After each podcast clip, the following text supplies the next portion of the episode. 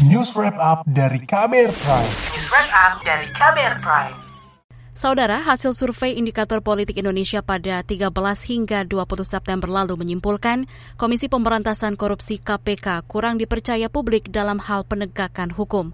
KPK ada di peringkat tiga di bawah Kejaksaan Agung dan Pengadilan. Kepercayaan publik ini tentu dipengaruhi sejumlah masalah yang melibatkan pimpinan KPK. Laporan khas KBR kali ini mengulas masih rendahnya kepercayaan publik terhadap KPK, dibacakan Fitri Anggraini.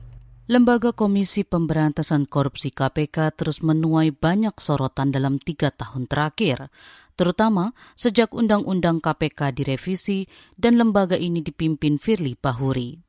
Ketua KPK Firly Bahuri beberapa kali dilaporkan ke Dewan Pengawas atas tuduhan pelanggaran kode etik. Misalnya, dugaan menggunakan helikopter mewah milik swasta saat kunjungan ke daerah. Dewan Pengawas menyatakan Firly bersalah dan dikenai sanksi teguran. Saat menjabat Deputi Penindakan KPK, Firly juga dianggap melakukan pelanggaran etik berat ketika menemui bekas Gubernur NTB M. Zainul Majdi yang saat itu sedang diperiksa dalam kasus saham PT Newmont.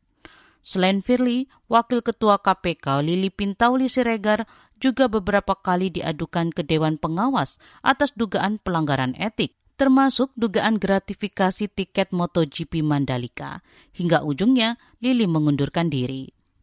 Wakil Ketua KPK Alexander Marwata juga dilaporkan ke Dewan Pengawas dalam kasus penonaktifan 57 pegawai KPK yang tidak lolos tes wawasan kebangsaan.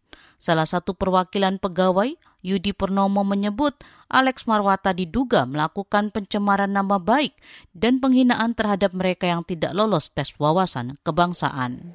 Dugaan pelanggaran etik yang dilakukan oleh beliau ketika melakukan konversi pers yang menyatakan 51 orang pegawai KPK yang tidak memenuhi syarat mendapatkan nilai merah dan tidak bisa dibina lagi. Tentu pernyataan ini harus dipertanggungjawabkan baik secara hukum maupun secara etik. Bekas pimpinan KPK Saud Situmorang menyebut pimpinan KPK mengalami masalah integritas yang bisa menurunkan kepercayaan publik. Menurutnya, lembaga pemberantasan korupsi tidak mungkin bekerja maksimal jika diisi orang-orang yang bermasalah. Dengan situasi struktur organisasi yang seperti sekarang ini, dengan yang di dalamnya masih bagian dari masalah, Anda tidak bisa mengharapkan apa-apa dari KPK. Sudah jelas tuh, lima, tiga bermasalah, satu kurang umur, oke okay lah nggak apa-apa. Ya, jadi kalau di voting itu yang berintegriti itu cuma satu orang gitu. Sejumlah masalah yang membelit pimpinan KPK itu diperkirakan turut menyebabkan tingkat kepercayaan masyarakat terhadap KPK menurun. Hasil survei indikator politik Indonesia pada Juni lalu menempatkan KPK di posisi terendah di antara empat lembaga penegak hukum. Direktur Indikator Politik Indonesia Burhanuddin Muhtadi menyebut peringkat KPK tersalip Kejaksaan Agung. Institusi yang paling dipercaya peringkat pertama hingga ketiga tidak berubah. TNI, Presiden, Polri. Antara April dan Mei. Yang berubah adalah Kejaksaan Agung. Kejaksaan Agung di survei sebelumnya itu ada di peringkat 7, 8. Di survei bulan Mei naik rankingnya, jadi peringkat keempat. KPK di bawah Kejaksaan Agung, Pengadilan, dan Polisi. Ini KPK di antara lembaga penegak hukum tingkat trustnya paling rendah. Masalah integritas pimpinan KPK juga mendapat sorotan bekas pimpinan KPK Muhammad Yasin. Menurutnya sejak revisi Undang-Undang KPK, kredibilitas pimpinan KPK semakin dipertanyakan dan tingkat kepercayaan terus menurun.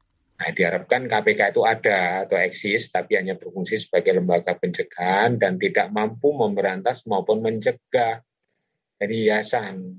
Jadi terima gaji buta para organ yang ada di dalamnya. Malulah ya.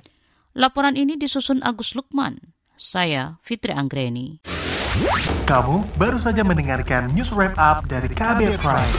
Dengarkan terus kbrprime.id, podcast for curious minds.